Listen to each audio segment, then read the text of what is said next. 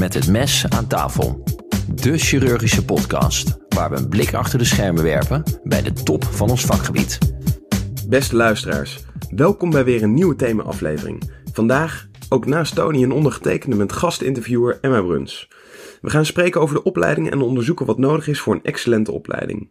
We spreken hiervoor professor Jaap Hamming en dokter Robert Pierik. Maar eerst een bericht vanuit de montagestudio. Helaas is een van onze laptops op de bodem van de Amsterdamse grachten beland. Uh, ja, dat kan natuurlijk gebeuren, maar hiermee is het audiospoor van dokter Pierik en Emma Bruns verloren gegaan. We hebben gepoogd de data te laten herstellen door een paar WizKids uit India, maar dit gaf niet helemaal het gewenste resultaat. Luistert u maar.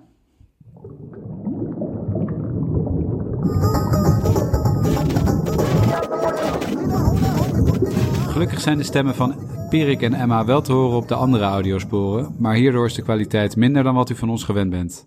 Excuus hiervoor, we gaan verder. Sinds de start van de opleider van het jaarverkiezing heeft er één keer een chirurg gewonnen, namelijk de eerste keer. Dat was Robert Pierik in 2009 en gelukkig hebben we hem hier. Robert Pierik is GE-chirurg in Isla ziekenhuis en oud-voorzitter van de Nederlandse Vereniging voor Heelkunde. Naast zijn drukke leven als chirurg en opleider schreef hij ook maar liefst twee fictieboeken met enige autobiografische elementen, namelijk Snijgeil en Darreslacht. Verder sleepten we niet minder dan twee zilveren medailles binnen bij de opleidersverkiezing. Roderick Smits in 2018 en Jaap Hamming in 2015. Jaap Hamming is hoogleraar vaatchirurgie en opleider in het LUMC te Leiden en ook voorzitter van het Concilium Chirurgicum. Tevens heeft hij de opleiding spoedeisende geneeskunde in het LUMC opgezet en is actief in diverse bestuurlijke functies en commissies. In 2018 werd hij benoemd tot erelid van de Nederlandse Vereniging voor Heelkunde. Kunnen jullie beiden vertellen waar je bent opgegroeid en uh, waar je bent opgeleid? Misschien als eerste Jaap. Ja, um, ik ben opgegroeid in Den Haag en ben in Leiden gaan studeren. Um, aanvankelijk eerst uh, uitgeloot en rechten gestudeerd en daarna medicijnen. Daarna ben ik opgeleid tot chirurg in Rotterdam. Eerst in het uh, Franciscus Gasthuis en daarna in Dijkzicht. En van daaruit uh, ben ik naar het Elisabeth Ziekenhuis in Tilburg gegaan. En ben uh, geassocieerd in die maatschap. En in 2004, dus tien jaar later dan, men, uh, dan ik in Tilburg ben begonnen, toen ben ik naar Leiden gegaan. Voor de vaatchirurgie en voor de opleiding. Maar inmiddels ben ik dus geen opleider meer, al een tijdje niet meer. En ook al een tijdje geen voorzitter meer van het concilium. Even ter, ter rectificatie. Ter rectificatie. We zullen ons huiswerk beter doen. Ja, Robert. ik ben Robert. Ik ben uh, ge geboren in uh, de Achterhoek en uh, opgegroeid in Tilburg. Ik wilde altijd dierenarts worden. Ik ben daar vier keer voor uitgeloot en heb toen in de tussentijd fysiotherapie gestudeerd in Breda. Toen dacht ik, combinatie fysiotherapie, diergeneeskunde is misschien suboptimaal. Dus ben ik geneeskunde gaan studeren in Rotterdam. Ik ben een opleiding gekomen voor chirurg in Rotterdam. Heb toen anderhalf jaar een soort chivoplek in Nieuwegein gedaan voor de laparoscopische chirurgie, wat dan in die tijd in opkomst kwam of was. En daarna ben ik chirurg geworden in Zolle. Mooi, maar ik, ik, begrijp dus dat de, de dierenarts en de combinatie met de dierentuin in Hilvarenbeek, uh, dat dat toch ja. uiteindelijk geen uh, combinatie is geworden nee. met het leven in Tilburg. Helaas niet, nee, want ik was uh, chauffeur en gids in het safaripark. Kijk. Ik je deze vraag stelt. Ja, wat mooi. elke zomer, waarbij ik geleerd heb dat van de gemiddelde bustoeristen van de 30 er altijd drie ontevreden zijn. En dat is een parallel die ook bij de, in de geneeskunde geldt, denk ik. En altijd wel patiënten die ontevreden zijn op de poli, wat je ook doet. Dus daar moet je gewoon rekening mee houden. Maar uh, ik had ook heel veel grappen uh, bedacht zelf in die tijd. Althans vond ik zelf erg grappig om het voor de toeristen uh, amusant te, te, maken in het safaripark. Maar inderdaad, het is, het is het niet geworden. En Robert, natuurlijk interessant van je is, is die twee boeken die je geschreven hebt. Wat bracht je toe om boeken te schrijven? Uh, dankjewel voor die vraag. Het is wel heel eervol dat ik dat allemaal mag uh, zeggen. Uh, nou, ik, ik, ben, ik heb uh, voorliefde voor literatuur. Ik heb altijd in schoolkanten gezeten en stukjes geschreven. En heb, toen ik volgens mij twintig was, al een keer een boek proberen te schrijven. Het was wel geschreven, maar uiteindelijk ook weer verscheurd. Um, ja, de medische wereld, ik denk dat er zijn heel veel artsen schrijven. En dat is denk ik omdat de dokter als geen ander in aanraking komt met hele intensieve periodes uit het bestaan van andere mensen. Ja, dat zet tot nadenken en dat stemt tot reflectie. Uh, dus dat is één deel. Uh, het tweede deel is dat ik me ook toch altijd een soort, uh, nou dat is een wonderland heb gevoeld die door het rabbit hole gevallen is in die geneeskunde. Als gezegd, ik ben eigenlijk een dierenarts. En heb ook altijd een beetje met verwondering mijn hele carrière rondgekeken. Dus altijd toch dingen beschouwd. En vond het heel erg leuk om ja, dat zeg maar te verwerken of te te veranderen in een, in een roman. Dus het is fictie, het is autobiografisch. Ja, alles is autobiografisch wat je schrijft. Dus je kunt niet niet autobiografisch schrijven, maar het is nadrukkelijk niet een autobiografische roman, dat wil ik zeggen. En, uh, ik heb natuurlijk een hoger doel, dat is dat het een heel goed boek is, maar vooral ook dat de zorg verbetert. Want ik ben zeer kritisch over de uh, gezondheidszorg in Nederland. Ik denk dat het veel beter kan. En dat uh, medisch specialisten daar een belangrijke rol in spelen. En Jaap, uh, ook het concilium, dat speelt nog een rol binnen de, binnen de ehm, opleiding. Wat, wat is het concilium? Wat doet het? Um, ja, het concilium gaat eigenlijk over de inhoud van de opleiding. Dus hoe de opleiding er precies uit moet zien, welke eisen mensen aan moeten voldoen. Uh, er is natuurlijk een soort van overkoepelende wet die zegt van nou, generiek moeten alle medisch specialisten ongeveer dit kunnen en weten en they moeten zich daarmee bezighouden. er is ook weer dan een speciaal deel van die wet gaat ook over de heelkunde. Maar daarnaast is er heel veel ruimte om dat in te vullen, hoe je dat doet. Uh, uh, en, en ja, wat je daar precies mee wil. Um, ja, dat, dat, en daar gaat het concilium over. En he, heeft het concilium macht of kan die hele dingen veranderen? Hoe moet ik dat zien? Ja, macht is altijd een ingewikkeld woord. Denk ik, invloed heeft het zeker. Ja, dus dat klinkt He, dus, Ja. ja. Nou ja, het gaat erom dat de, de, het uitoefening van macht betekent dat je kan zeggen van het gaat wel of niet gebeuren. Ja. Zo sterk ligt dat niet. Je hebt altijd je draagvlak nodig, zowel van de, de chirurgen die opleiden. Uh, hè, dus die op, opleiders als geheel is een heel belangrijke groep. Maar daarnaast zijn ook de assistenten heel erg belangrijk. Want je kan wel iets verzinnen als concilium en de assistent zeggen, ja, wat is dit nou weer voor een raar gedoe? dan gaat dat niet werken. Dus je moet het wel, moet wel je kan niet zomaar iets uitvaardigen. Ja. Maar het is wel degelijk zo dat, dat concilium bepalend is in de lijn van daarvan, dat wel. Waar wij uiteindelijk naar streven is excellente zorg voor de patiënt. Hè? Dat is het doel. opleiding is niet een doel op zich. Hè? Uh, dat is altijd een beetje ingewikkeld om te vertellen. Sommige mensen denken dat de opleiding doel op zich is, dat is natuurlijk niet zo. Het gaat erom om goede chirurgen op te leiden. Bijvoorbeeld, dat als uh, Robert of ik straks een coloncarcinoom krijg, dat er iemand komt aan mijn bed die uh, mij fatsoenlijk te woord staat, maar ook zijn mannetje weet te staan of haar man, vrouwtje weet te staan in de operatiekamer. En daarvoor voor doe je het om te zorgen dat voor de gemeenschap de goede chirurgen zijn die, uh, die het werk goed kunnen uitoefenen. En ook op een fatsoenlijke manier naar de mensen staan, waar we natuurlijk de afgelopen jaren, eigenlijk vanaf 2005, de laatste 15 jaar, heel hard aan gewerkt hebben is om met name die houding en dat gedrag van die medisch specialisten te verbeteren. Ja, technisch was het eigenlijk altijd wel, generiek wel best behoorlijk op orde. Maar de manier waarop de bejegening was naar de patiënten, maar ook naar de collega's, assistenten en naar verpleging, dat was heel erg, ja, zeg maar, eh, vanuit een apenrotsachtig systeem. Wat, wat Robert waarschijnlijk ook in zijn boeken heeft, uh, ja. ook dat heeft proberen aan te vallen eigenlijk nou ja, aanvallen. Aan, te, aan te maar denk, ja. dat, denk je dat de gelaagdheid die jij hebt proberen aan te brengen en ook de kritiek die je eigenlijk, dat die helemaal overkomt? Of denk je dat mensen gewoon ook echt eigenlijk een beetje smullen vinden en denken, jeetje, hoe gaat het daar aan toe in zo'n ziekenhuis? Ja. Ja, zeker. Ja, ik kan, het, lastig, je bent zelf ook schrijver. Um, op het moment dat je iets geschreven hebt of gepubliceerd, is het niet meer van jou. Het aan, aan de mensen om er zelf iets van te vinden. Dus dat is heel lastig. Ik denk dat mijn doel is om een leuk boek te schrijven. Met een begin en een eind en een spannend verhaal. En daarvoor, dat vind ik leuk. Dat vind ik zelf belangrijk van een boek. Het, moet, het is geen leerboek. Ik vind het boek leuk als, als het een spannend verhaal is met een onverwacht einde. En mijn, dat, dat was mijn doel. Ik had het ook over uh, uienteelt kunnen schrijven. Het is makkelijk om vanuit de ziekenhuiswereld te beschrijven. En mijn blijvangst is ook nadrukkelijk wel om aan de kaak te stellen, inderdaad, de vaak hele ziekmakende uh, cultuur die heerst in ziekenhuizen. Ook op chirurgische afdelingen. Ja, of dat overkomt, weet ik niet zo goed. En um, jullie zijn beide uh, nou, uh, hoog gekomen in de opleiding van het jaar verkiezing. met alle, dat is met alle opleiders, niet alleen chirurgische opleiders. Um, hoe word je nou een beste opleider van Nederland? Wat is daar belangrijk in? Dus, hè, dus voor jezelf persoonlijk, maar het is ook een diepere vraag van wat, zit er nou in een echt een goede opleider? Jaap. Uh, ja, om opleider van het jaar te worden, dat is natuurlijk een soort van uh, uh, schoonheidsverkiezing, misverkiezing. Dus weet niet of dat nou per se reflecteert dat, met alle respect erop, dat degene die die, die die prijs wint, dat dat ook het beste liedje of de, de beste opleider is. Ja.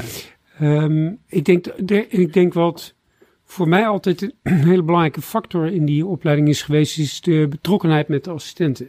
En niet zozeer betrokkenheid bedoel ik niet dat je alles van hun privéleven en zo moet weten. Want privé vind ik ook, is echt wel privé. Tenzij dat opleiding in de weg staat of hindert, dan wordt het wat anders natuurlijk. Uh, maar het gaat erom dat, dat je dus die uh, groei stimuleert van assistenten. Dat dat, het, dat dat je taak is als opleider. En als je dat op een goede manier doet, waarbij je open staat naar die assistenten toe om ze op een goede manier te begeleiden, dan ben je de goede opleider, denk ik. En is het dan niet juist belangrijk dat je ook misschien het privé van de assistent kent? Het wel en wee thuis, uh, waarom, waarom hij bijvoorbeeld op een bepaalde manier functioneert of waarom hij niet functioneert? Nou, die vraag komt ook wel naar voren op het moment dat het relevant is. Maar iemand die perfect functioneert, zeg maar, of die heel goed functioneert, dan hoef ik niet al het wel en wee van zijn privéleven te weten. Tenzij het toevallig op een borrel ter sprake komt, maar niet in de structuur van de opleiding. dus in de gesprekken die je met assistenten hebt, die gaat feitelijk over eh, de ontwikkeling en de leercurve van assistenten. Laten we het even op die manier, zeg maar, min of meer zakelijk houden. Nou, dan kunnen er dingen spelen natuurlijk in het privéleven die belangrijk zijn, waardoor iemand ja, moeite heeft om te functioneren of juist heel goed functioneert. En als zo'n assistent het dan meldt, is het wel interessant om dat te verdiepen. maar, niet, uh, uh, maar verder beschouw ik het toch een beetje ook als uh, ja, dat, dat iedereen mag kiezen of die dat ter sprake brengt, ja of nee, zeg maar. Hè? Dat hoeft niet per se voor mij ingebracht te worden. Als jullie aan je eigen opleider terugdenken, wat is dan uh, hetgene waar je het meest echt van, waar je nu nog steeds wel eens aan denkt, uh, op de OK of uh, gewoon als je als chirurg aan het werk bent? Ja, ik denk als ik mag. Nee, uh, nou ja, we hebben trouwens allebei dezelfde opleiders. Ja, Zowel ja. professor Bruining, om zijn naam te noemen, als dokter ja, en, en, en Wereldsma. Wereldsma. Ja, nou, ik denk voor mij geldt in ieder geval uh, een soort onvoorwaardelijk vertrouwen in elkaar. Dus uh, dat was uh, veel minder inderdaad met gesprekstechnieken en knuffelen en, en, en, kom eens bij elkaar zitten, maar wel een soort broederschap of verbondenschap waarvan inderdaad als je in het goede pulletje viel, maar dat was dan in ons geval het geval, ja, dan wist je wel dat je ook ja, dat je wel veilig was, zeg maar. Dan wist je gewoon, ja, deze man gaat mij niet naaien, die gaat niet achter mijn rug iets doen, die kan ik gewoon vertrouwen, die zal mij ook steunen als het misgaat, die zal mij helpen als ik een fout maak. En dat is wel, denk ik, heel belangrijk om jezelf te kunnen ontwikkelen. En, um, dus dat heb ik zeker uh, meegenomen. Um, ik denk dat je als opleider, ik zie de opleider, dan schat ik weer op, op de weg hier naartoe te denken, kijk, beste opleider, dat is niet zo heel relevant. Het is meer de aanvoerder, denk ik, de opleider van het team. Dus je kunt geen goede opleider zijn als je geen goed team om je heen hebt. En dat meen ik ook oprecht. Je moet een heel goede opleidersgroep hebben, die het mogelijk maakt dat jij als aanvoerder inderdaad uh, een prijs kunt winnen. Uh, maar het is als aanvoerder heel belangrijk, denk ik, dat je naar de assistenten toe 100% integer bent. En ja. dat ze weten dat je het beste met ze voor hebt. Ja. En dat het uiteindelijk uiteindelijk toe zou kunnen leiden dat jij samen bespreekt van ja, dat je, zeg ik maar vaak, je kunt beter geen chirurg worden dan een slechte chirurg. Hè? Niemand wil een slechte chirurg worden. Dus als, het, als je merkt, samen merkt, dit is toch niet de richting, dan moet je het gewoon niet doen. Dat is, dan heb je een gruwelijk leven als je iedere operatie twijfelt, als je continu aan jezelf twijfelt. Dus de bedoeling is dat je een goede chirurg wordt. daar gaan we samen voor. Ja, dan is het denk ik vertrouwen, eerlijkheid, oprechtheid, ja, is de basis echt cruciaal. Het lijkt me eigenlijk nog wel misschien het meest lastige gesprek wat je als opleider moet of kunt of mag voeren met een, een, een collega die, die niet goed functioneert. Of die eigenlijk, uh, waarvan de groep misschien denkt, dit moet helemaal geen chirurg worden. Ja, dus dat is vooral, ik heb het wel een aantal malen gehad. Het is vooral ingewikkeld als iemand dat zelf niet zo ziet. Dan wordt het heel ingewikkeld. En daar, zit dan ook, daar is formeel nu ook wel meer voor geregeld dan vroeger. daar, daar zit dan echt, dan moet er een soort van verbetertraject komen en dan moet er coaching komen en dan moeten voor bepaalde aspecten worden weer, uh, wijs je dan verschillende supervisoren aan. Eén iemand die veel meer op het sociale aspect of, hè, of het uh, psychosociale aspect met de, met de patiënten zit. Iemand anders die echt over de techniek gaat. Dus zijn wel, daar zijn wel veel ontwikkelingen in geweest.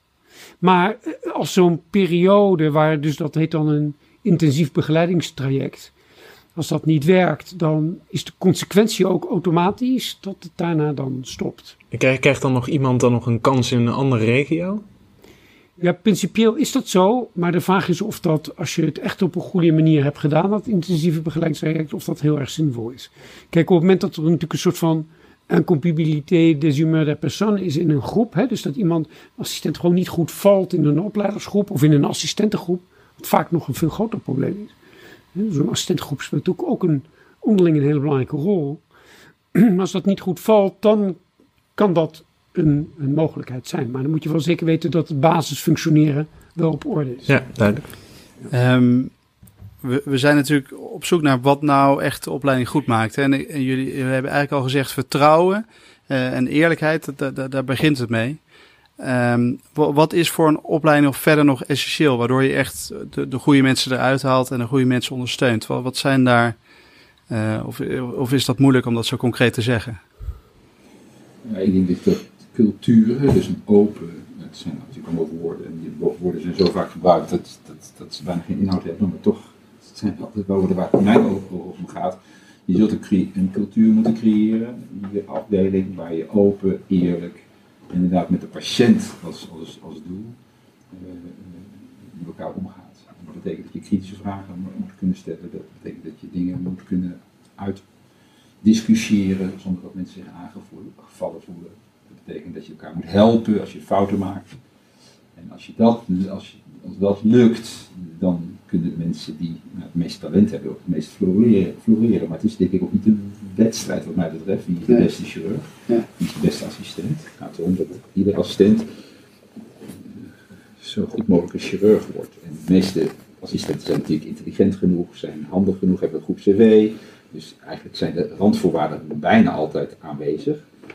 Maar er zijn natuurlijk uitzonderingen, maar daar, daar moet je niet op richten. Je moet erop richten dat die 95% of 99% of 92% dat die maximaal uh, profiteert van een goede opleiding. En daar speelt de opleidingsgroep een hele belangrijke rol. Ja, ik, denk, ik, denk, dat je gelijk hebt. En ik, ik denk dat um, eigenlijk wat je ziet is dat een opleiding die goed functioneert, is eigenlijk ook wel een beetje een soort van garantie voor goede kwaliteit van zorg. Want er zitten een beetje dezelfde dingen in. En dat gaat eigenlijk over hoe een groep, over de cultuur, hè, uh, goede cultuur, klimaat noemden wij dat vroeger bij de opleiding, opleidingscultuur, klimaat. En de basis is dat mensen elkaar steunen. Dus dat, dat de collega's, opleidersgroep elkaar steunt, dat assistenten elkaar ook steunen en niet elkaar afvallen. Het tweede wat ik heel erg belangrijk vind, is dat er een uitnodigende sfeer bestaat om je mond open te trekken. Merk je dat tijdens uh, het overdrachten uh, in, in, Leiden? Dus dan iedereen roept gewoon, uh, durft nee, in elk geval te zeggen. in Leiden is dat best lastig. Hè? als je, ik vind dat veel lastiger in zo'n academische omgeving. Ja, heel groot. een grote groep. Ja. Ik moet zeggen dat ik kwam uit een omgeving uit Tilburg waar dat echt expliciet was. Zelfs zo dat de gewoon op de, zei van, maar klopt dit wel? En en dat, dat, dat is het mooiste wat er is. Dat iedereen zich uh, uitgenodigd voelt om wat te, te zeggen. Uh, in, zeg maar, ik was gewend dat een overdracht een half uur duurde. En in heel veel ziekenhuizen duurt die een kwartier. En daarom in een kwartier kan je geen onderwijsmoment, echt nauwelijks leermoment creëren. Dan is het gewoon aframmelen van wat er is gebeurd en is eigenlijk geen discussie. Een overdracht die een half uur duurt en de tijd voor neemt, betekent ook dat dingen die de vorige dag zijn blijven liggen, die komen gewoon s ochtends weer op die overdracht. Dus iemand die zeg maar niet aanwezig was bij de middagoverdracht, die, uh, en die echt verantwoordelijk voor is, die staat dan gewoon op een bord van dat dat probleem is nog niet opgelost. Hoe zit dat eigenlijk? dus het heeft niet alleen maar te maken met de dienstoverdracht, maar dan heb je gewoon echt een continuïteit van zorg dat niks uh, uh, wegvliegt. Dat vind ik zou ik een hele krachtige methode van die overdracht uh, vinden. Maar ja, we gaan nu wel steeds gedifferentieerder overdragen. Dus we hebben nu in Tilburg bijvoorbeeld een, een, een, een, eh, een overdracht van 5 à 10 minuten met de gemeenschappelijke belangrijke patiënten en de intensive care patiënten. En daarna daar hebben we gedifferentieerd over. Dus je, als AJOS mis je eigenlijk tussen aanhalingstekens drie tot zes maanden als je bij de GE zit, de vaat en de trauma. Ja, Uh, nee, dat, is dus, wel, dat is een belangrijk bezwaar, vind ik. De, ik en ik vind het ook. Um, ik, heb, ik ben er ook wel kritisch over. Over die gedifferentieerde overdracht. Omdat ik denk dat. Hè, wat je zegt, het is de, de dagstart eigenlijk. Het is het moment dat je echt bij elkaar kan zijn. En als je op twee locaties werkt, is dat al ingewikkelder, dat realiseer ik me. Maar het moment dat je even met elkaar bent en ook naar elkaars zorgen leert luisteren. Uh, en niet alleen maar gefocust bent op je eigen dingen, is een ontzettend belangrijk instrument voor het groepsgevoel. En dat groepsgevoel is essentieel voor een goed, goede cultuur en een goed klimaat. En elkaar, om ook te, elkaar te kunnen steunen. Maar je kunt zo wel rustiger zaken leren. Want uh, omdat je dus meer tijd hebt voor bijvoorbeeld vaattechnische problemen of uitgebreide GE-problematiek. Ja, maar dan ga je er dus vanuit dat, dat een traumatoloog niks meer kan leren van ingewikkelde vaatproblematiek. En dat is inderdaad, dat, ik weet dat er veel mensen zijn die dat vinden.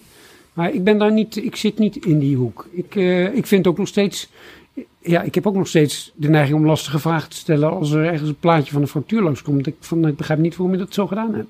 En ik vind ook juist dat, dat, dat als opleider moet je dat voorbeeld ook geven, dat het belangrijk is om die vragen te stellen. Het valt me ook op dat uh, die cultuur waar jullie het allebei over hadden. Ik heb de eerste drie jaar nu van mijn opleiding in uh, NWZ in Alkmaar uh, genoten. Met eerst Hermine Scheurs, die natuurlijk de eerste vrouwelijke opleider van Nederland was. En nu Kees Jan Ponsen. En allebei hebben zij heel veel aandacht voor die, dat cement tussen de assistenten. Hè? Dus als dat niet goed gaat. En zeker in de tijd, en precies wat jullie zeggen, in de tijd van corona was er best wel veel virtueel werd er overgedragen. Verschillende kamers, mensen logden in via Teams. En het educatieve element van de overdracht dat ging een beetje verloren. En waar ik benieuwd naar was, is of jullie als opleiders, hoe jullie dat cement of zo, hè, behalve dan met een vrijdagmiddagborrel, maar ook nu met een verder differentiërende vormen en in de academie, hoe jullie dat cement, hoe jullie daar als opleiders uh, actief in investeerden of zo. Ik denk dat het, ja, hoe is het inderdaad, wat over jezelf zeg maar, ik wil graag ook benadrukken hoe ongelooflijk belangrijk die overdrachten zijn. Uiteraard voor de patiënt, dat is natuurlijk het allerbelangrijkste wat, wat, wat Jaap ook zegt. Daar gaat het inderdaad om. Maar ik denk ook binnen een opleidingskliniek ontzettend leerzaam is om, uh, om te zien hoe er gediscussieerd wordt. En hoe er kritische vragen gesteld kunnen worden op een veilige manier. En hoe mensen zich kunnen verantwoorden. Hoe mensen ook een fouten toegeven of een, een, inschattingsprobleem. Ik denk dat dat heel waardevol is als dat op een eerlijke, integer, goede manier gebeurt. En um, wat je zegt, inderdaad, natuurlijk moet niet iedereen zomaar lopen gillen en roepen en vragen stellen, zeker niet bij een ingewikkelde operatie. Dat is ook een, een competentie feitelijk, hè, dat jij aanvoelt als assistent, of zeker als co-assistent van ja, luister, die chirurg is nu uh, gespannen of boos of uh, gefrustreerd aan het raken, ja, dan moet ik even mijn hoofd, mijn mond houden. Hè. En als dat niet gebeurt, dan kun je het er ook op aanspreken. Ik zeg, joh, dat was niet handig wat. Maar dat is denk ik iets waar je trots op moet zijn met elkaar. En waar je naar moet streven als afdeling. En daar heeft de opleiding een belangrijke rol in om dat proces te stimuleren. Maar dat je het voor elkaar krijgt om, ja, uh, en daar kun je van leren. Je kunt ervan leren hoe een koala-beertje, om even bij de dieren te blijven, uh, de boom klimt. En dus, dus ook een discussie over vaatchirurgie is voor een GE-chirurg interessant. En voor de assistent interessant. Dus wij moeten dat denk ik heel erg, uh, heel erg koesteren. En inderdaad die aparte overdrachten, hoe begrijpelijk ook, ja, dat gaat uiteindelijk onze vereniging denk ik de kop kosten. Heel kwetsbaar. Want dan heb je op een gegeven moment, kun je ook zeggen, ja weet je... Dat heb je nog met elkaar. Juist. En, ja, maar dat is natuurlijk... met elkaar. Dus. De, de radiologie gaat steeds meer samen met de vaatchirurgie, de GE met de MDL, de trauma met de ortho. Ja, is er nog wel een Nederlands Vereniging voor Heelkunde? Dat is misschien een hele filosofische vraag die we vandaag ja, überhaupt niet gaan beantwoorden. Dat is, daar, daar heeft uh, uh, Erik Heineman wel wat over gezegd. Het heeft natuurlijk ook een beetje met een, met een stammencultuur te maken. En we hebben als chirurg hebben een bepaalde cultuur met elkaar. En uh, je merkt heel erg sterk dat, dat hè, een overdracht waar een orthopede uh, bij zit, dat wordt toch een ander soort van overdracht. Wordt heel technisch. En niet gewoon van waar hebben we het hier nou eigenlijk over? Wat zit de diepgang? En juist die breedte en elkaar over, over je eigen vakgebied leren vragen te stellen van ik begrijp niet waarom je dat zo doet. En daarmee je collega's uitdagen om dat uit te leggen. Dit is gewoon een hele belangrijke cultureel element en essentieel voor de opleiding. Uh, uh, denk ik. Dus ik ben, ja, Kijk, de Vereniging voor Heelkunde behouden is niet een doel op zich. Hè? Maar ik denk dat, zoals de internist, de hoofdinterne bij ons zei, je hebt in zo'n groot ziekenhuis, in een academisch ziekenhuis, heb je een motorblok. En dat motorblok bepaalt feitelijk wat er gebeurt. Want die raad van bestuur doet echt helemaal niet zo vreselijk relevant. Die moet zorgen dat de centjes verdeeld worden. Maar strategie van de raad van bestuur, hè? Whatever. Waar het om gaat, is een sterke heelkunde, sterke interne geneeskunde, sterke neurologie en sterke cardiologie met de thoraxchirurgie erbij. Dat, zijn de, dat is het motorblok van het ziekenhuis. En je kan alleen maar een motorblok zijn als je fatsoenlijk volume hebt met elkaar. En als je allemaal je gaat opsplitsen, word je een soort van KNO-artsen of oogartsen, met alle respect. Ja, ja, ja. maar je wordt gewoon klein en daarmee onbetekenend. En er wordt ook echt niet meer met je gesproken dan. Ja. Misschien goed om um, van, een, van het ene pijnpunt de overdracht even naar een andere black box uh, over te gaan. En dat is namelijk uh, het uh, zogenaamde rugzakje met geld voor de, voor de AJOS. want um, ja, hoe, hoeveel krijgt een AJOS nou eigenlijk? Veel te veel.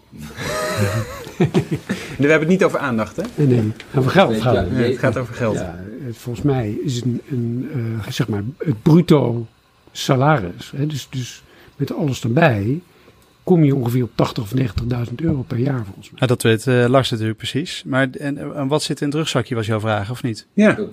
En dat is nog veel meer, wil je zeggen? Nou, nee, wat, wat is, wat is, waarom, waarom is het zo onduidelijk wat, um, wat, een, wat een AJOS eigenlijk uh, per jaar eigenlijk hè, krijgt van de, van de overheid? Ik heb wel eens een discussie gevoerd. Blijkbaar, je krijgt dus meer dan een bruto uh, salaris. Het ziekenhuis krijgt meer. En het ziekenhuis verdedigt zich dan, ja, dat is ook terecht, want er moet licht betaald worden, er moet gas betaald worden, parkeerplaats, al dat soort kosten die liggen bij het ziekenhuis. Daar profiteren de AJOS ook van. Dus ja, dat wij daar een deel van afkalven uh, is op basis daarvan. Dat is het ja, dat is die, dat is die opslag. Hè? Ja. Dus je, je kent, het bestaat eigenlijk uit twee delen. Het eerste deel is gewoon het salaris. Hè? En daarbovenop zit, um, en dat wisselt een beetje of het een academisch ziekenhuis of een PFR ziekenhuis is. PFR ziekenhuizen krijgen geloof ik 35 of 40.000 euro erbovenop. En de academische ziekenhuizen iets minder. En dat heeft ook te maken met de uh, dat je potentieel als assistent meer kosten maakt dan een ervaren professional, omdat je net iets meer laboratorium aanvraagt, misschien extra CT aanvraagt, dat soort zaken. Dat is het argument. Minder productie. Ja, minder. En, en daar, en daar, maar dat, dat bedrag staat wel, onder, dat staat wel onder druk, want de overheid wil daar, vindt dat eigenlijk onzin. Dus die proberen dat bedrag te, te drukken, dat weet ik wel. Ja. Nou, waar, jij wil natuurlijk, denk ik, toe naar dat het een soort perverse uh, prikkel is. Of niet? Nee, nee, niet per se. Maar wat uh, natuurlijk, uh, wat, wat toch soms wel in Nederland speelt, is dat het de ene AJOS in de ene ziekenhuis krijgt bijvoorbeeld de ene cursus wel vergoed en de andere niet vergoed. Ja. En als je dan bijvoorbeeld kijkt naar um, waarom dat niet is, en als ze dan zeggen, ja, maar er is toch, er is toch genoeg geld vanuit de overheid, dan blijft dat altijd een schimmig ja. spel waar die, ja, waar die gelden ja. nu precies en blijven. Misschien mag ik je aanvullen, want volgens mij bedoel je ook dat er, hè, er was een soort opleidingsetalage. Uh, dan kon je dus overal in Nederland heen om jouw opleiding te gaan doen. Die kon je zelf maken. Volgens mij is daar niet zo heel veel van terechtgekomen. En dat heeft toch, uh, hebben we het idee, uh, toch wat door, door wat prikkels die daarachter zitten. En daar, daar proberen we naar te vragen. Hoe, hoe, nee, die hoe denk dat nou? bestaat zeker. Ik denk dat, dat, dat het is natuurlijk zo dat um, het uiteindelijke doel was om de opleiding onafhankelijk van de productie te maken. Dus, die, dus de assistent draagt niet bij aan de productie. Maar dat is natuurlijk bullshit, want dat gebeurt natuurlijk wel. Ja. Hè? Maar formeel niet. Dus wat krijg je dan? Is dat als een assistent zegt van nou, ik wil nu een stage van zes maanden daar en daar gaan doen. Zegt, de opleider zegt misschien nog wel vanaf ik een goed idee. Maar degene die over de centjes gaan in zo'n groep, die, die zegt van wacht even. Wij gaan hier een arbeidskracht even verliezen. Hoe, hoe zit dat? En, uh, en dat is heel ingewikkeld. En die, je ziet dus daar hele grote verschillen, vind ik, in Nederland tussen de ziekenhuizen en hoe daarmee omgegaan wordt. Ook tussen regio's zelfs wordt daar uh, opgegaan.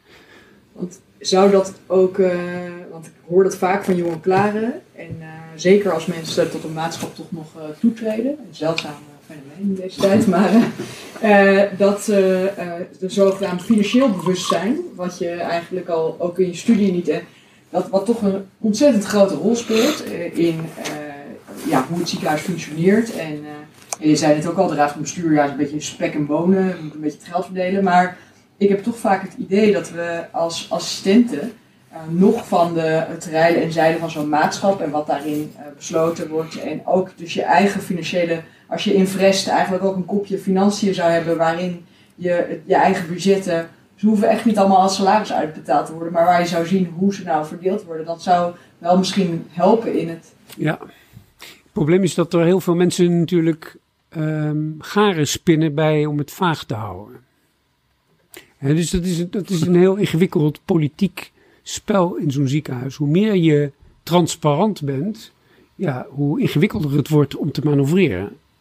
Dus ik denk dat dat, dat zit, uh, echt, daar zit een belangrijke component in. Ja. Uh, maar ik denk dat het heeft ook te maken met hoe een opleidersgroep strijdt om dit zuiver te houden. Hè? Um, hoe een opleidersgroep omgaat met die nou, verplichte cursus sowieso geen discussie, hè, want die moeten vergoed worden. Um, maar andere dingen die voor de ontwikkeling van de assistent. En destijds in het concilium hebben we daar ook ruimte voor gehouden in dat verplichte opleidingsprogramma, dat dat niet te vol zit. En dat er ook ruimte is om eigen invulling aan te geven. Maar als een maatschappij zegt het is niet verplicht, dus je krijgt niet, of een ziekenhuis zegt dat, want het gaat eigenlijk altijd via het ziekenhuis, ja, dan, dan is het ingewikkeld. En dan gaat het erom, gaat die, gaan die opleiders daarover met elkaar in discussie in zo'n ziekenhuis en zorgen ze ervoor dat het wel goed komt. Volgens mij hebben we nu de, de, de hete hangijzer besproken, of de, de moeilijke onderdelen.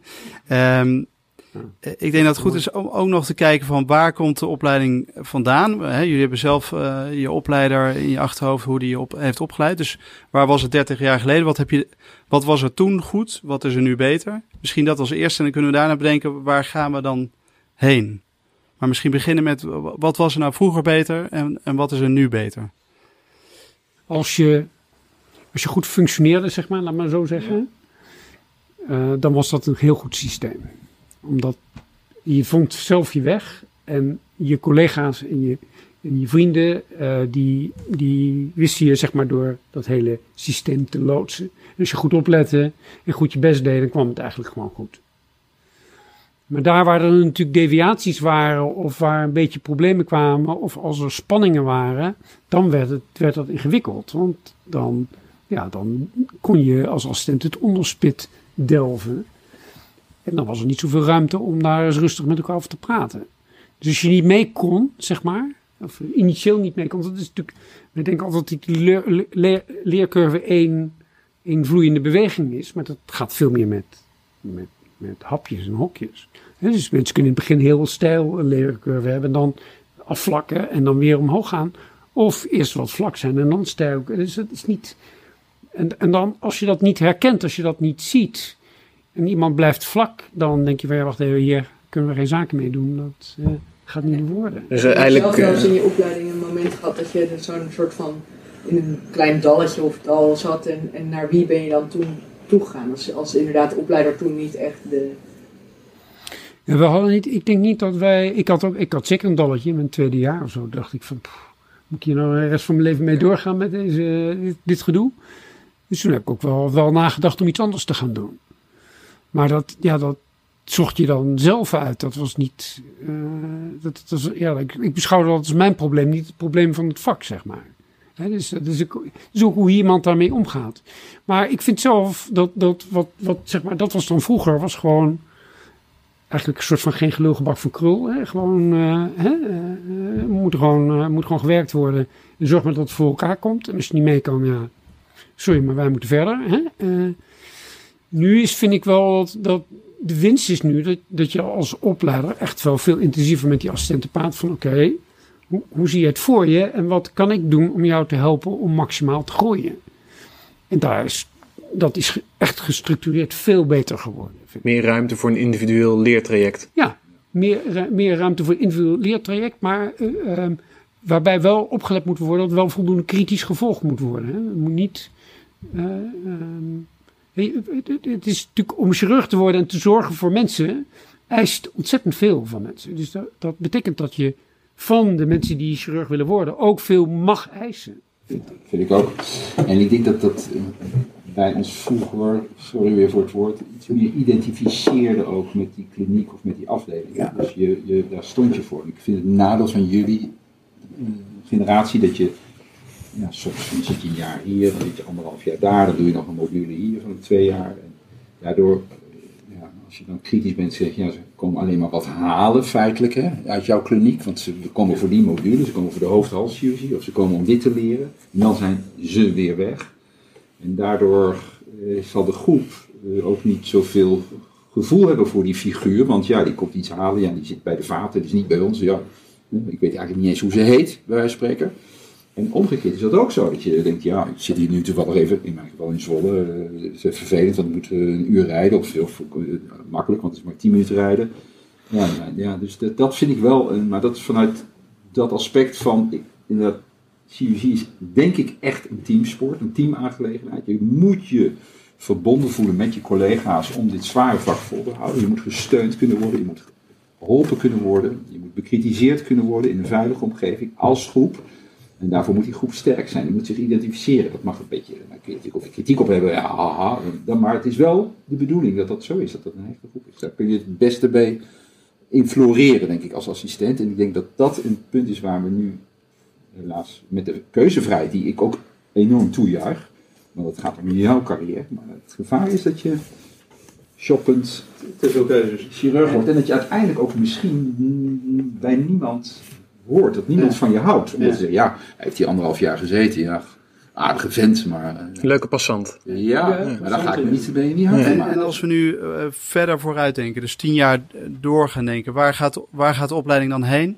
En misschien goed om meteen mee te nemen, de, de- ja, tegenwoordig, toen ik het AMC zat, werkten er nog van de 15 assistenten twee fulltime. Dus dat, is- dat is echt wel iets wat invloed heeft, denk ik. Maar waar gaat de opleiding nu heen en, en hoe veranderen we met de opleiding dan mee? Dat is een vraag die jullie zelf moeten beantwoorden, denk ik. Toch? Nou ja, om maar een proefballon eh, op te dus laten. Kijk, eh, we weten natuurlijk dat eh, van de krapte op de arbeidsmarkt op dit moment. Dus er zijn misschien wel te veel mensen opgeleid. En van die mensen die zijn opgeleid, wat je net al zegt, zijn er heel veel die misschien ja, de, de grootte van het vak en de breedte van het vak ook in deze tijd dat dat lastig, dat het wringt. Ook met dat je thuis misschien ook verantwoordelijkheden hebt, anders dan vroeger. Ehm, zou dat zou een mogelijkheid zijn dat je een kerngroep hebt die die oude chirurgie in volle breedte of, of in ieder geval eh, blijft doen en een, eh, er een soort chirurgie light opleiding is voor mensen die al vanaf het begin zeggen ik wil dat vak niet in zijn volle intensiteit of is dat onbespreekbaar? Nou, dat kan wel. Maar dan moet je wel realiseren dat het vak light is dan ook light. Dus dat betekent geen grote pathologie.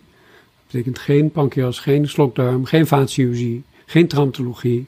Dat betekent ja, gewoon eh liesbreuken, galblazen. En ja, wat je nu ook wel ziet komen, specifiek mensen die zich alleen met de mama-chirurgie bezighouden.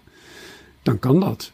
Maar je kan natuurlijk niet, ja, je kan dan niet met met het, het, het grotere werk meedoen. Dat kan echt niet. Nee, maar ik weet niet of daar wel eens een enquête, maar ik denk dat van oudsher dat dat altijd dat onwijs veel weerstand, ook vanuit ego, dat je denkt, ja, dat ga ik toch niet doen. Maar dat daar misschien, omdat er nu veel, eh, niet alleen vrouwen, hè, maar mensen zijn die een partner thuis hebben of eh, die gewoon een, nog een leven naast de Ja, dat begrijp ik. Dat, ik, snap, die- ik snap die opmerking en dat is zeker eh, terecht. En, en ik denk dat die mogelijkheden ook zijn. Maar dat is inderdaad, dan ben je niet meer onderdeel van het motorblok, om het zo maar te zeggen. Nou ja, in, in de meeste perifere ziekenhuizen bestaat de, de gros van de productie natuurlijk niet uit de slokdarmcarcinomen. Nee, eh, maar het bestaat wel uit een hele hoop andere dingen, als eh, acute patiënten met buikpijn. Ehm, en dat wordt wel ingewikkeld. Hè, als jij, als jij nooit, nooit meer ingewikkelde dingen in de buik eh, tegenkomt, hoe ga je dan dienst doen daarvoor? Dat gaat dan niet. Dus dat, ik denk dat dat, dat kan niet. Dan kan je ook geen dienst meer doen. Hè, dan, dan, dan word je 9 tot 5 eh, chirurg die het trucje doet, waar die doet. En best wel wat. Maar dan als het er echt om gaat, ja, dan moet er iemand anders komen. Dus dan krijg je het risico dat je echt een A- en een B-chirurg krijgt.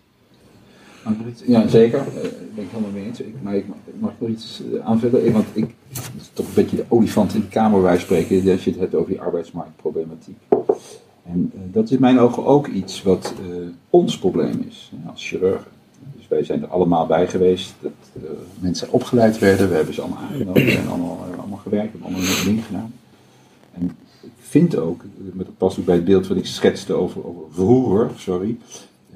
dat is ons probleem. Het is niet jullie probleem, het is ons probleem. En als je die verbondenheid sterk hebt, dan is dat ook veel makkelijker om op te lossen. Want dan is, het, is die assistent die geen baan heeft en die al vijf jaar in een kliniek heeft gewerkt, vier jaar, drie jaar, maar dat, dat wordt jouw assistent. Het kan niet zo zijn dat hij werkloos wordt. Dan wordt het gevoelsmatig ook veel meer een gemeenschappelijk probleem. Hoe kunnen we wat regelen? Op het moment dat die assistenten wat minder zichtbaar zijn en minder verbonden zijn met een bepaalde kliniek, maar inderdaad met hun eigen carrière bezig zijn, ja, is het ook ja zoek het uit. En ik voel het zelf heel erg, ik zit natuurlijk in de, leeftijdsgroep, dat je aangesproken voelt. Het is niet belachelijk dat er chirurgen thuis zitten die uh, jonger zijn en, en, moderner opgeleid zijn.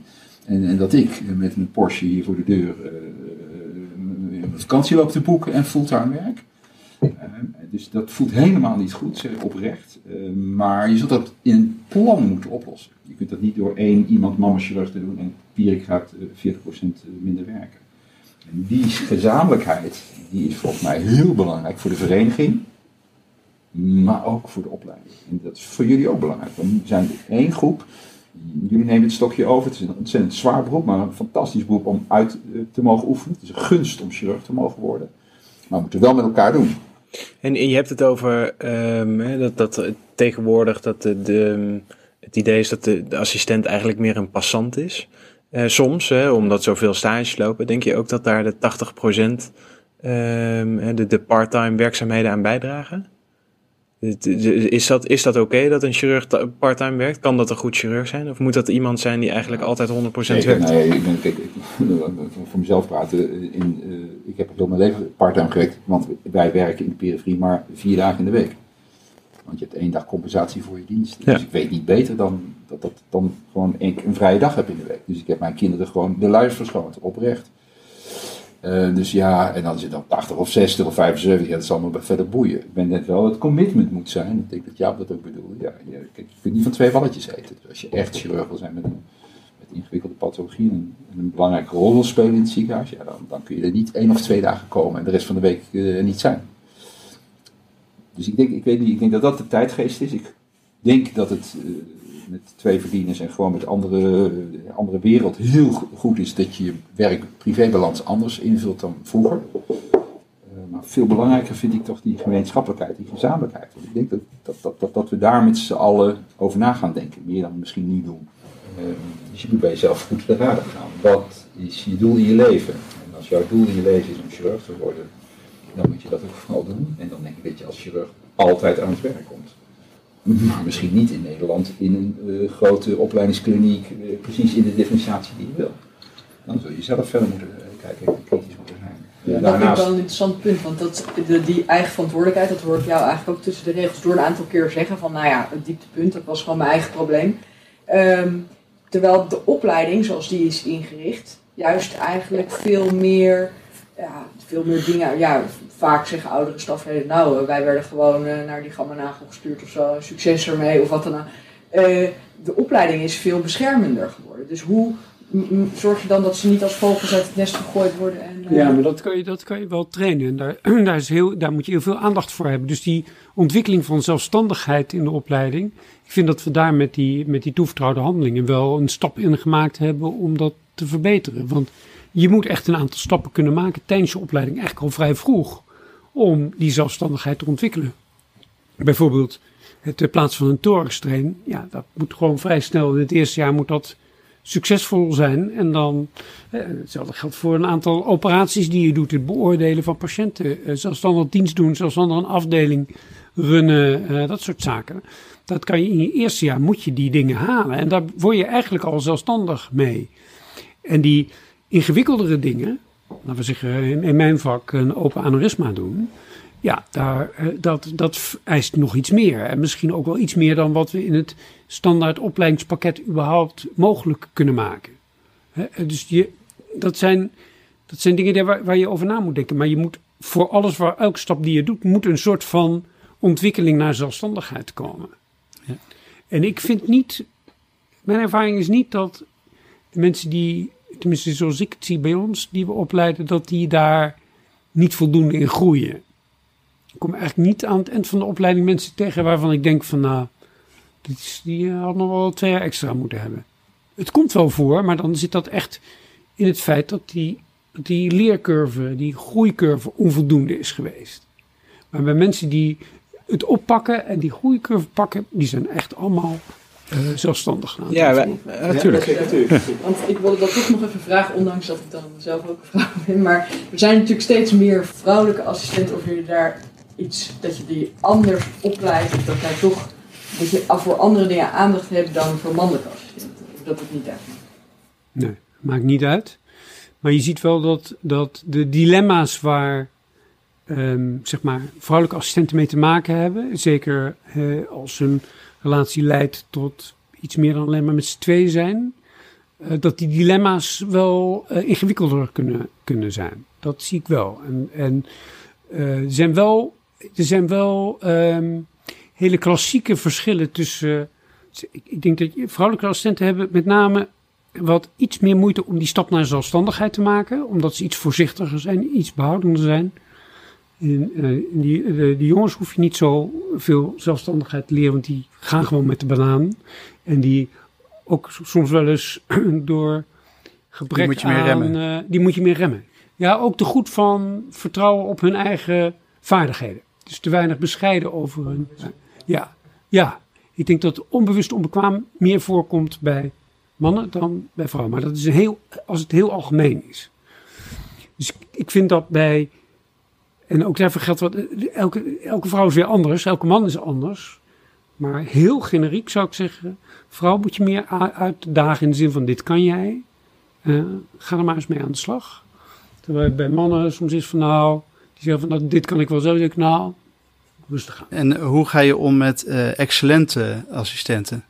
Hè, dus bied je die extra's, wat, wat, wat, doe je met de echte goede mensen? Nou, eindeloos uitdagen. En niet alleen maar uitdagen, bijvoorbeeld wetenschap, maar juist ook dingen als over die financiën. van, dus je zoekt dan met zo'n excellente figuur, zoek je naar van wat is jouw belangstelling naast het opereren, naast het patiëntenzorg. Je kan, als jij zo, als jij deze mogelijkheden hebt, misschien moet je dan eens over nadenken over je carrière. Moet dat academisch worden, ja of nee? Als het academisch moet worden, dan moet er een belangrijke wetenschapscomponent aan zitten. Moet er niet voor jou een stage zijn, bijvoorbeeld om pure wetenschap uh, ergens te doen? Maar mensen die zeggen, ja, maar ik zit toch veel meer in die organisatie van de zorg. Nou, hartstikke idee, proberen we daar iets in te verspreiden. Dat lijkt me heel erg lastig aan opleider zijn, dat je opleider voor alle assistenten moet zijn. Dus je hebt natuurlijk altijd van nature ja. misschien een sneller klik met de een dan met de ander. Ja. Hoe hebben jullie dat in het verleden of nu doen jullie dat nog? Dat als je toch niet zo'n van nature een klik hebt met iemand, dat je dan toch, uh, ja, dat je dat toch die taak van opleider goed vervult? Nou, dat, vraagt een extra uitdaging, vind ik. Uh, ik merk het aan mezelf dat als je met een assistent ook aan het werk bent, die, waarvan je het gevoel hebt dat die, ja, waarbij het niet helemaal klikt of dat die niet precies oppakt wat jij vindt dat hij op zou moeten pakken. Uh, nou, daar kan je wel geprikkeld van raken, zeg maar. Dat is ingewikkeld. Dus dan moet je ongelooflijk goed opletten dat je, uh, dat je op de juiste manier doet. Ja, want je, je, ja, je bent, ik ben ook maar een mens, zeg maar. Dus met, met al mijn, mijn falen. Dus daar zit ook af en toe wel in van als iemand je. Nou, irriteert is een groot woord, maar toch een beetje van ja, dat, dat gaat niet makkelijk. Ja, dan, dan wordt er iets extra's van je verwacht, ja. Delegeer je dat dan? Nee, nee, dat, is echt, dat moet je, daar moet je even overheen kunnen stappen. Als je daar niet overheen kan stappen, dan, ja, dan kan je niet een goede opleider zijn in mijn ogen. Ik, ik vind, je moet ook geen vriendjes worden met je assistenten. Dat is echt, een, vind ik, een doodzonde. Er zijn opleiders die graag populair of zo willen zijn bij hun assistenten en dan allerlei dingen doen. Maar je moet heel terughoudend zijn met de manier waarop je uh, daarmee mee omgaat. Uh, dat is, uh, vind ik. Zeker, en ik denk dat het laatste, dat, is dat voorbeeldgedrag wat je ja. als opleider moet hebben, dat is, dat, is, dat is ook heel zwaar, maar ook heel belangrijk. Dus je, je zult dat jezelf moeten realiseren. Je hebt wel eens ook gezegd op een congres van je bent 24 uur per dag, 7 dagen in de week. Ja. Maar zo heb ik dat ook in die periode wel gevoeld. Ik vind ook echt dat het je verantwoordelijkheid is. Dat je het professioneel doet en dat je voorbeeldgedrag geeft. Het, is, het past niet om daar uh, in te marchanderen. Maar als we helemaal teruggaan naar het begin. de opleiding, de aanname. Hoe, sollicitatie bedoel je? De sollicitatie, hoe gaat dat in zijn werk? Je, de, ik bedoel, je hebt tegenwoordig uh, allemaal assistenten voor je neus zitten die en PhD en ANIOS zijn geweest. Uh, bij de orthopedie doen ze er nog een praktische handvaardigheid in en moeten ze soms een, uh, een vogelkistje timmeren om te laten zien dat ze ook nog handvaardig zijn. Hoe, hoe kiezen jullie? Hoe werkt dat? Ja, dit is een heikel punt, denk ik. Want dat doen we natuurlijk toch, althans vind ik, voor een deel een beetje op onze boerenfluitjes. Er is een periode geweest in de geschiedenis dat uh, vanwege dit probleem, wat jij nu uh, vraagt, terecht, gezegd is, joh, we moeten er vanaf. Dat het broertje van die of het, het zoontje van die. Of, en laten we dat objectief meten. En daar was een, een psychotechnisch onderzoeksbureau in, Utrecht. En daar werd voor betaald en daar werd je de hele dag getest. En op psychologie, op stress, op handvaardigheid, op nou, noem maar op. Gesprek met de psycholoog, met vakwaardjes, allerlei dingetjes op de goede plek afleveren. En dat was snoeihard, want dat mocht je maar één keer doen. En als je afgewezen was, was het klaar. Dus uh, het zoontje van de professor bij spreken, ja, die deed mee, ja, die werd afgewezen, want ze, dat, dat, dat, dat stond nergens. Je vader professor, daar kreeg je geen punten voor. Ja, dat was klaar. Dat was natuurlijk gruwelijk oprecht, hè, want het zijn mensen die hun hele leven daaraan vast hangen en, en, en afgewezen werden. Ik, ik ben van mening dat, die, dat het eigenlijk heel succesvol was. Want die groep, um, over het algemeen heeft hij het heel goed gedaan. Maar om reden van invloed uh, is dat toch op een gegeven moment weer afgeschaft. En nu zijn we, in wat mij betreft, toch weer terug op ja, een beetje koehandel vaak. Hè? Want er is geen objectieve maatstaf. Je kunt niet eerlijk zeggen, jouw proefschrift is beter dan dat. Of jij was een, een tophockeyer en jij niet. Ja, zeg het maar. Dus dat, dat vind ik zelf onbevredigend. Ik vond zelf, is een film over, van een kwijt Franse film, van een meisje wat haar hele leven uh, uh, verpest is door het feit dat ze afgewezen was voor een pianoconcours. En uiteindelijk heeft ze, neemt ze een gruwelijk wraak op die familie. Want dat was onachtzaam, dus ze zat even niet op te letten. Nou ja, goed, zij moet weg. En dat voelde ik zelf heel erg toen ik in die commissie zat. Dat je uiteindelijk zo'n invloed hebt op iemand zijn de rest van zijn leven. Dat noodzaak tot eerlijk, integer, uh, oprecht uh, keuzes maken. Maar ja, dat is natuurlijk niet altijd mogelijk, want ja, het is een gesprek van drie kwartier. Dus ik worstel ermee. Ik ben benieuwd wat Jaap vindt. Ja, ik zit er, ik zit er wel iets anders in. Ja. Ik, uh, ik denk dat die psychologische test wel een beeld kan geven van mensen. Dus ik ben niet automatisch tegen, maar ik was wel heel erg tegen dat ze als uh, selectiecriterium gebruiken. Omdat daar, denk ik, ook een aantal mensen uh, niet doorheen zijn gekomen die, denk ik, een hele goede chirurg uh, hadden kunnen worden. Dus ik ben niet overtuigd van dat zo'n psychologische test nog goed selectiecriterium is. Het sollicitatiegesprek, is dat wel een goed uh, middel? Nou, dus, Die drie kwartier waar... Uh... Nou, er speelt natuurlijk iets meer dan dat gesprek. Want dat gesprek is, een, zeg maar, is een, uiteindelijk een voortvloeisel uit een eerder traject. Namelijk, wat heeft iemand daarvoor gedaan? Uh, hoe wordt die gesteund door de groep die hem als anios heeft ja. gehad? Um, wat zijn daar de goede en minder goede kanten van? En dan, ja, wat wij doen is, wij, wij doen altijd twee gesprekken. Dus uh, twee keer een half uur met een klein groepje. Dus nooit met meer dan vier man, omdat het anders ook een soort van tribunaal wordt. En de truc van het gesprek is voor ons, is dat het uitgangspunt, is dat je het maximale uit die assistent haalt.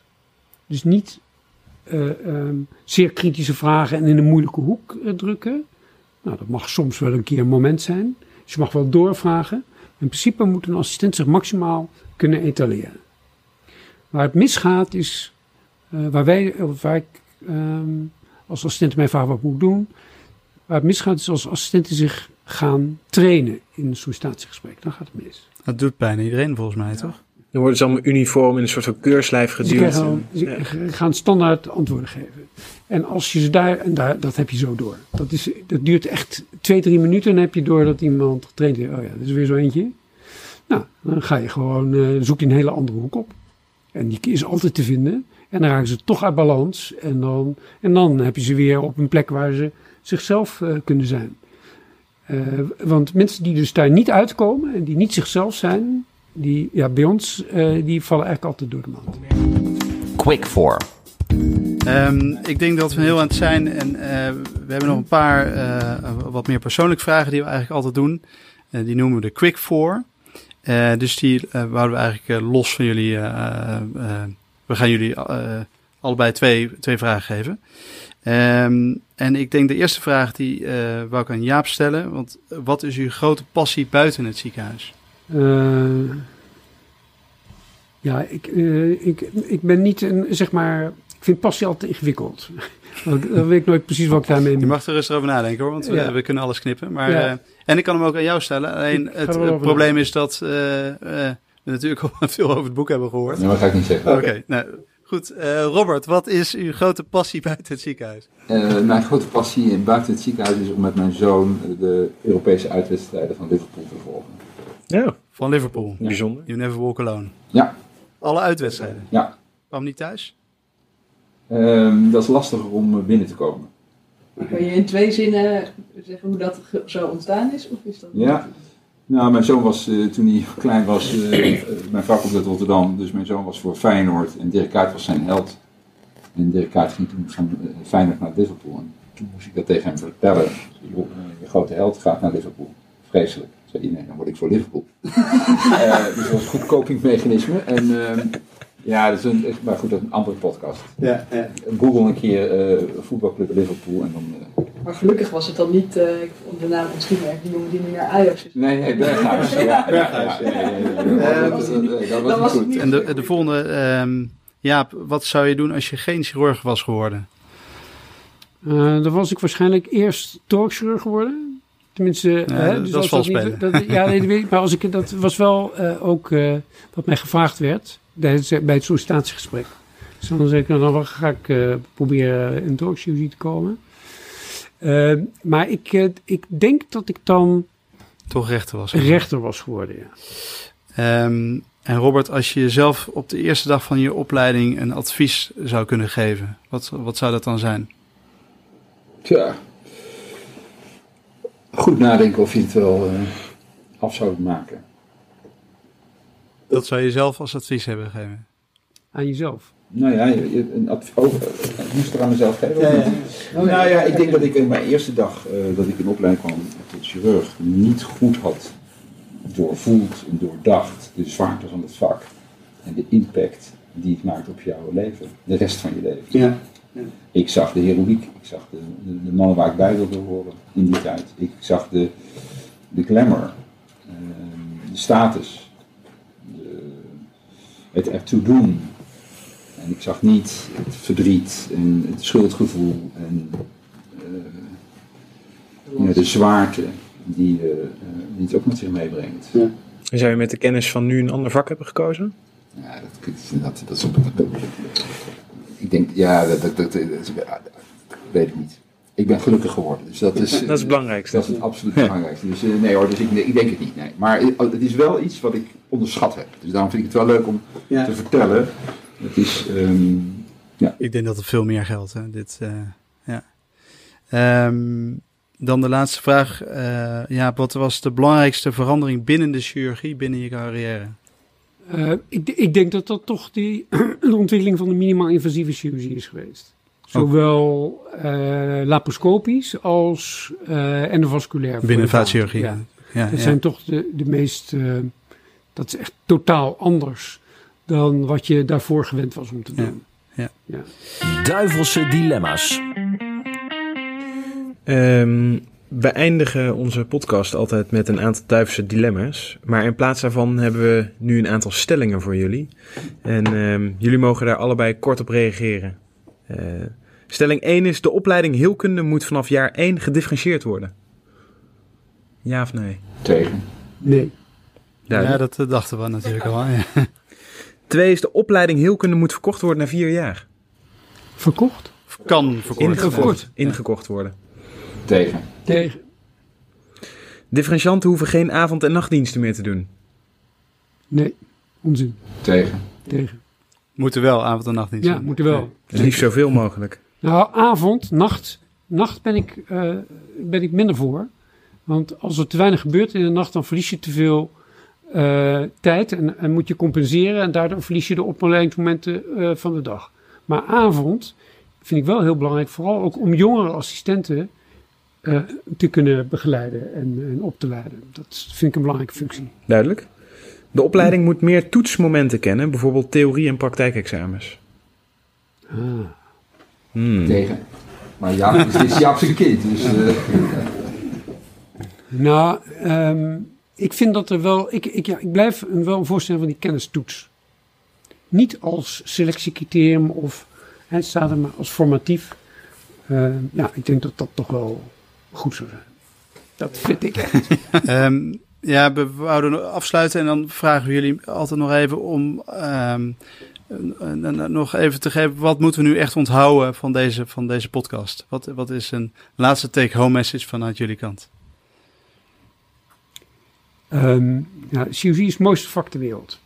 En het is, ik vind het een, ik heb het altijd als een voorrecht en ongelooflijk plezier gevonden om mensen te kunnen opleiden. En um, ja, de kneepjes van het vak te leren. En niet alleen maar technisch, maar ook hoe je op een goede manier kan gedragen om, uh, om een goed chirurg te zijn. Ja. Robert? Um, ja, um, chirurgie is geen uh, wedstrijd, zou ik uh, misschien willen concluderen. Hè. Dus ik, ik, vind dat we in een hele competitieve tijd le leven. Het, het, het, vliegt echt de bocht uit bij, bij de geneeskunde studenten, maar ook bij jullie daar doet die arbeidsmarkt natuurlijk geen goed aan. Dus dat is echt, jullie zullen bij elkaar moeten blijven. En het kan niet zo zijn dat, dat, dat jullie onderling daarin gaan concurreren. En, eh, dan wordt het slachtveld. Dus uh, het is geen wedstrijd. Je moet goede chirurg worden en uh, kun je een heel mooi leven leiden. Ja, en bij wijze van spreken, als het dan niet in Nederland is, ja, dan ga je ergens anders naartoe. Want zo leuk is dit land ook weer niet. Hè? Never walk alone. Zo is het. Ja. Goed. Dank uh, Jaap en uh, Robert. Uh, Dit was Met het Mes aan tafel. Deze podcast wordt mede mogelijk gemaakt door Johnson Johnson. Dank voor het luisteren en tot de volgende uitzending.